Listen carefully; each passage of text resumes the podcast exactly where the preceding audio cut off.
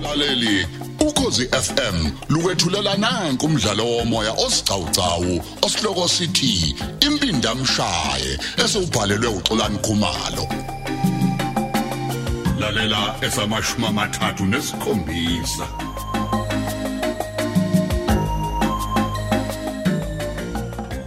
Ngizwa kuthi uyangidinga mnumzane Vezi. Yazi bengithi usungaphakathi etendeni.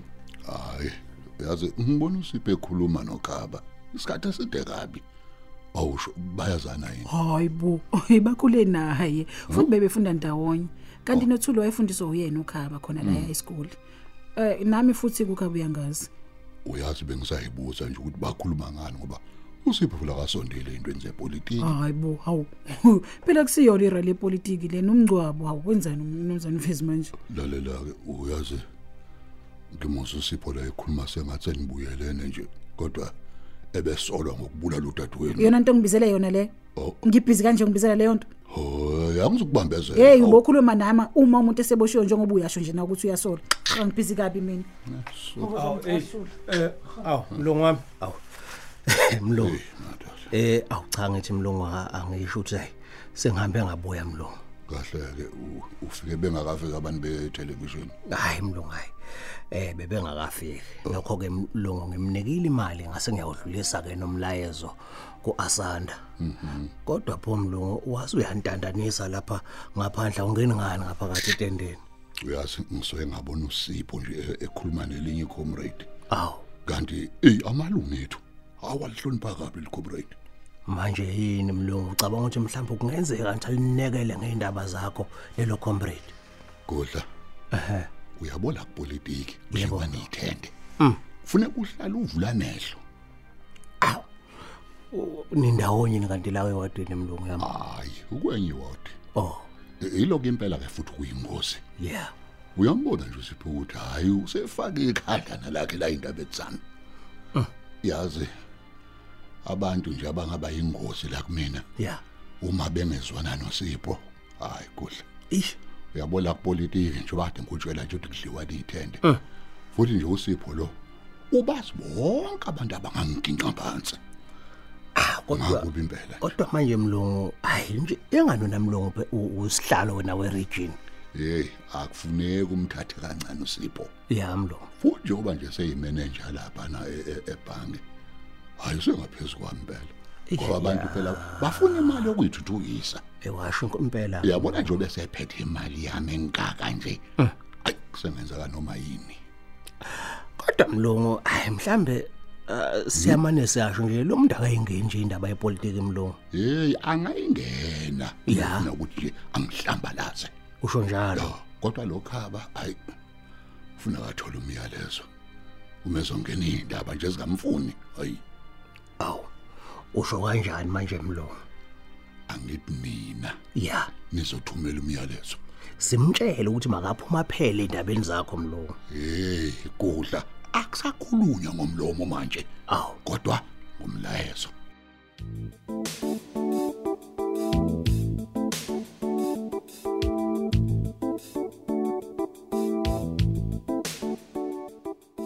hawu kodwa sipho mfowethu sonke lesikhathi uthuli nezinto ezinje hey ndoda hey yazi phela lo muntu i- i- imali kamasipala yakhe yedwa yakhe yedwa hey enjalo nje ubulala izingane ngalezi dakamizwa zakhe hey madoda azabulalisa imepo hey hey ngesikhathi sikhuluma kodwa mfowethu ubungasho ngani ukuthi nothuli iqobo lwakhe wathengelwa nguye inkabi Hey khaba mfethu ubungeke ukholwe ungakayizwa inkabi isikhulumela yona hey madoda hey. kodwa ke uyabona khaba mfethu ngicela nje lento ungalingo kwamanje uyixoxele omunye umuntu ngoba ngisho amaphoyisa awazi lutho ngaphandle kakapteni wawo awukahleke phoboshwa nini lo muntu Eh, ngoba phela u- ukhetho lo region seliseduzane seliyasondela ngiyakuzwa mfethu kodwa ngeshwa ke ngicabanga ukuthi kuzokwenzeka ukuthi ukhetho leregion lube khona yena ebengakaboshwa hey kulindweni ubufakazi buphambi kukakapteni sicelwe inkabi ukutsho kwamanje sijukuma kancane nje I- i- izibaleke Hayi. Akuzoba njalo mfethu. Inkabi izofaka i-device emlenzeni. Amaphoyisa akazokwazi ngayo ukuthi ikuphi ngaso sonke isikhathi. ayayayayayayay uyobe sebulala abantu abangaka uvezi mfowethu ngaleso sikhathi Eh khaba ngiyakuzwa mfethu kodwa ke a- akuzothatha isikhathi eside. Ngoba inkabi kumanje ngiyithengela umuzi la. Bese yona iyabuya egoli. Izoshadela la. Amaphoyisa ke ayoyibophela emshadweni. Naye uvezi lo. Hi. Aw, eh hello Cindy. Sipho ukephi? Oh ngisendlini. Sipho kuzofuneka uqaphele. Uyazi uveze useqalile ukubuza imibuzo ngokubonana kwakho nokhaba. Uthi ugaba wenzeni? Eyi uyazi ungibise ngibhizi ngisebenza. Ebuza ukuthi wena umazelaphi ukhaba. Hawu. Futhi ubebonakala nje ukuthi akajabulile neze. Ay okay ngizwile. Ngizobuye ngize lapha. Qaphela amandla qaphela please. U- u- Ukhaba wenzeni manje? Bafu. Hazo sendu uthi uvezi useqalile ukubuza imibuzo yokuthi ngikwazelaphi Nakho-ke. futhi yini lesikhulumayo. Hehe. Uyazi uyahlanya lo muntu. Hlanya ngempela. Hi. Yini lesimenza phenike kangaka manje? Watatazela kangaka? Uyayibona ke lento bengisho khapha. Hey madoda.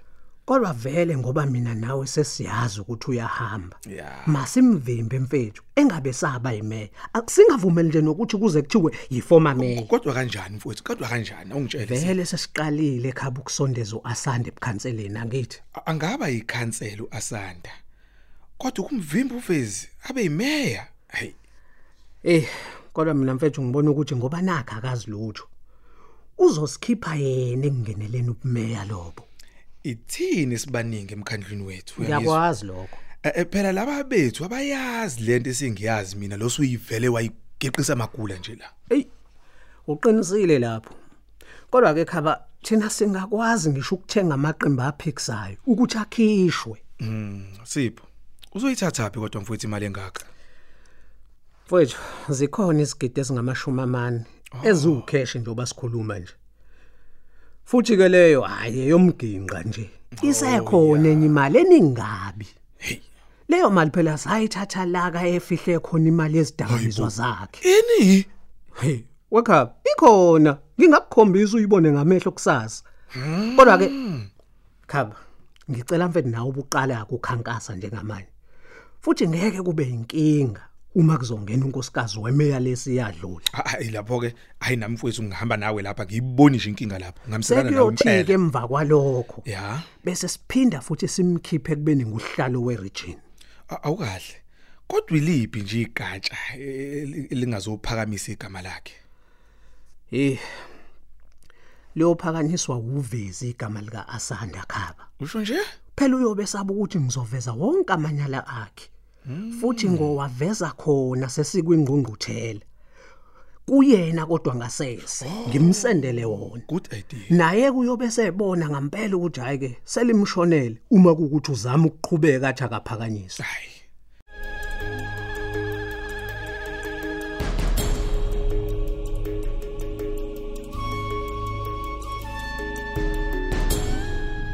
Hawu asanda.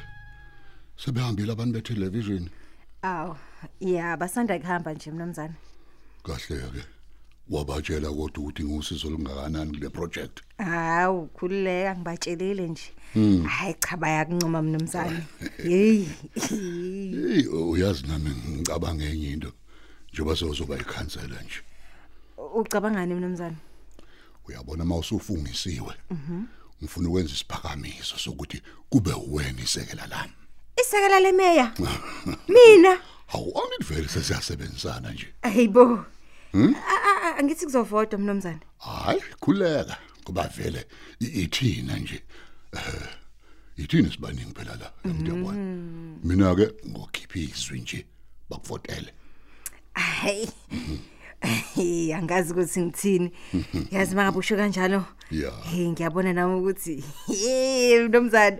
Impilo yami sizoshintsha phela yibo. Ah vele nathi nje uyabona sesiyishintshile impilo zabantu. Wena nje uma kufika intatheli.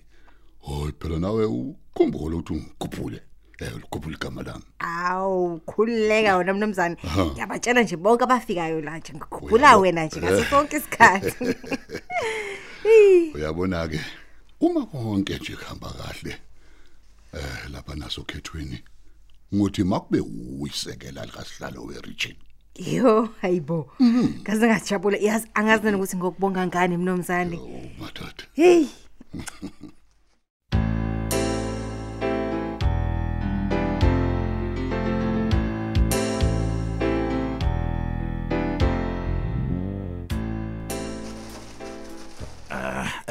angibeke khona la izinto engikuphathele zona lezi. Ah. Eh, ewu, ubuke kungcono ke namhlanje kodwa. Ya kona ey mfowethu ngiyazizwa ukuthi akusefani. Eh. Kanti ke nodokotela ke sebethe hayi ngumsomluko bayangidedela. Awubheki mfowethu. Eyi, ndoda. Hayi kwangcono ke. Hey mfowethu nami ngisafuna ukubala. Eish, kufanele khona. Ey okunyazi bengithi ngizocela uSipho akanikezele uzinhle nje insuku zelive. Eh. Ukuze phela khona ezokwazi ukungibheka ngoba ey senzo mfowethu akukavuma ukuthi ngihambe kahle uyabona akahambe kahle. Hayi cha be ngu- ngeke nje sivumele intombazane icabanga ukuthi awulutho ngaphandle kwayo. Ngikhona mina futhi ke sakhelene. Ngaleyo ndlela ngizokwazi ukukubheka. Futhi ke mina ngisebenzi. Kanti eplazini ke zikhona izisebenzi azingidingi kangako bengu. Ey senzo mfowethu ngiyabonga kakhulu. Ngiyabonga nje umuzo zinikela mfowethu kuwena ovumayo. Hayi khulileka lapho. Uzindle naye uyazi ukuthi uthule ngekho nje kungenxa yakhe. Mhm. Nguyena owathola imbewu kaSipho ngobugebengu. Lokho ke kusho ukuthi naye ungumbulali.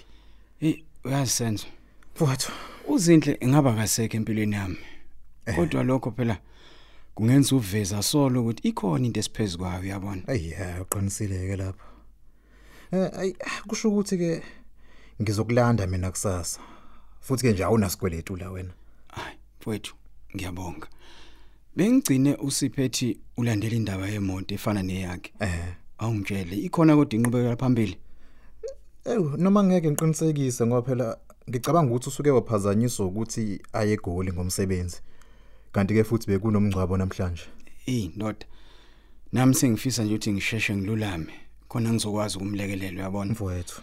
ngeke phela siyeke labantu bakhole emakhanda ethu sithule nje Hayi cha Hayi, uqinisile ngeke. khona lapho. sekwanele manje senzo sekwanele mfowethu Ukhuluma iqiniso Brigadier Bengu.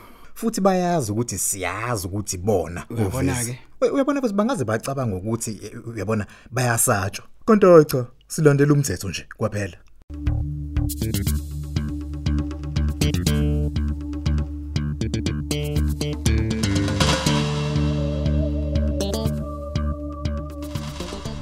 Ey Eh, ngaphambi kokuba nihambe kusasa ngize kuzonibikela ukuthi kunomuntu wasempumalanga kolona ongifonele. Wathi wayezwana noThuli futhi esemthembiso ukumlobola amshade kanti ke nakho uzoshona.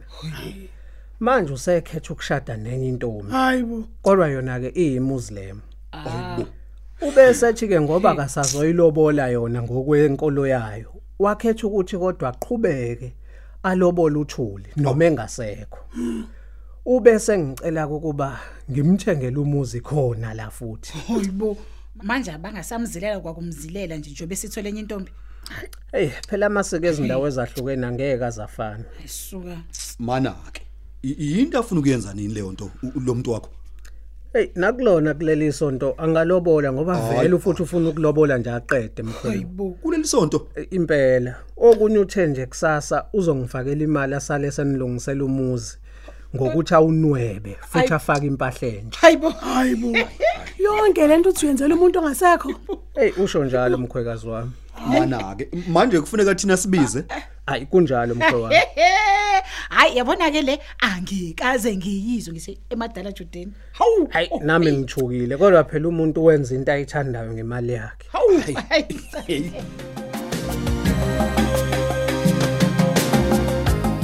Asubambe lapho ke umdlalo wethu omoya osihloko sithi impindamshaye olethelwa ukozi FM.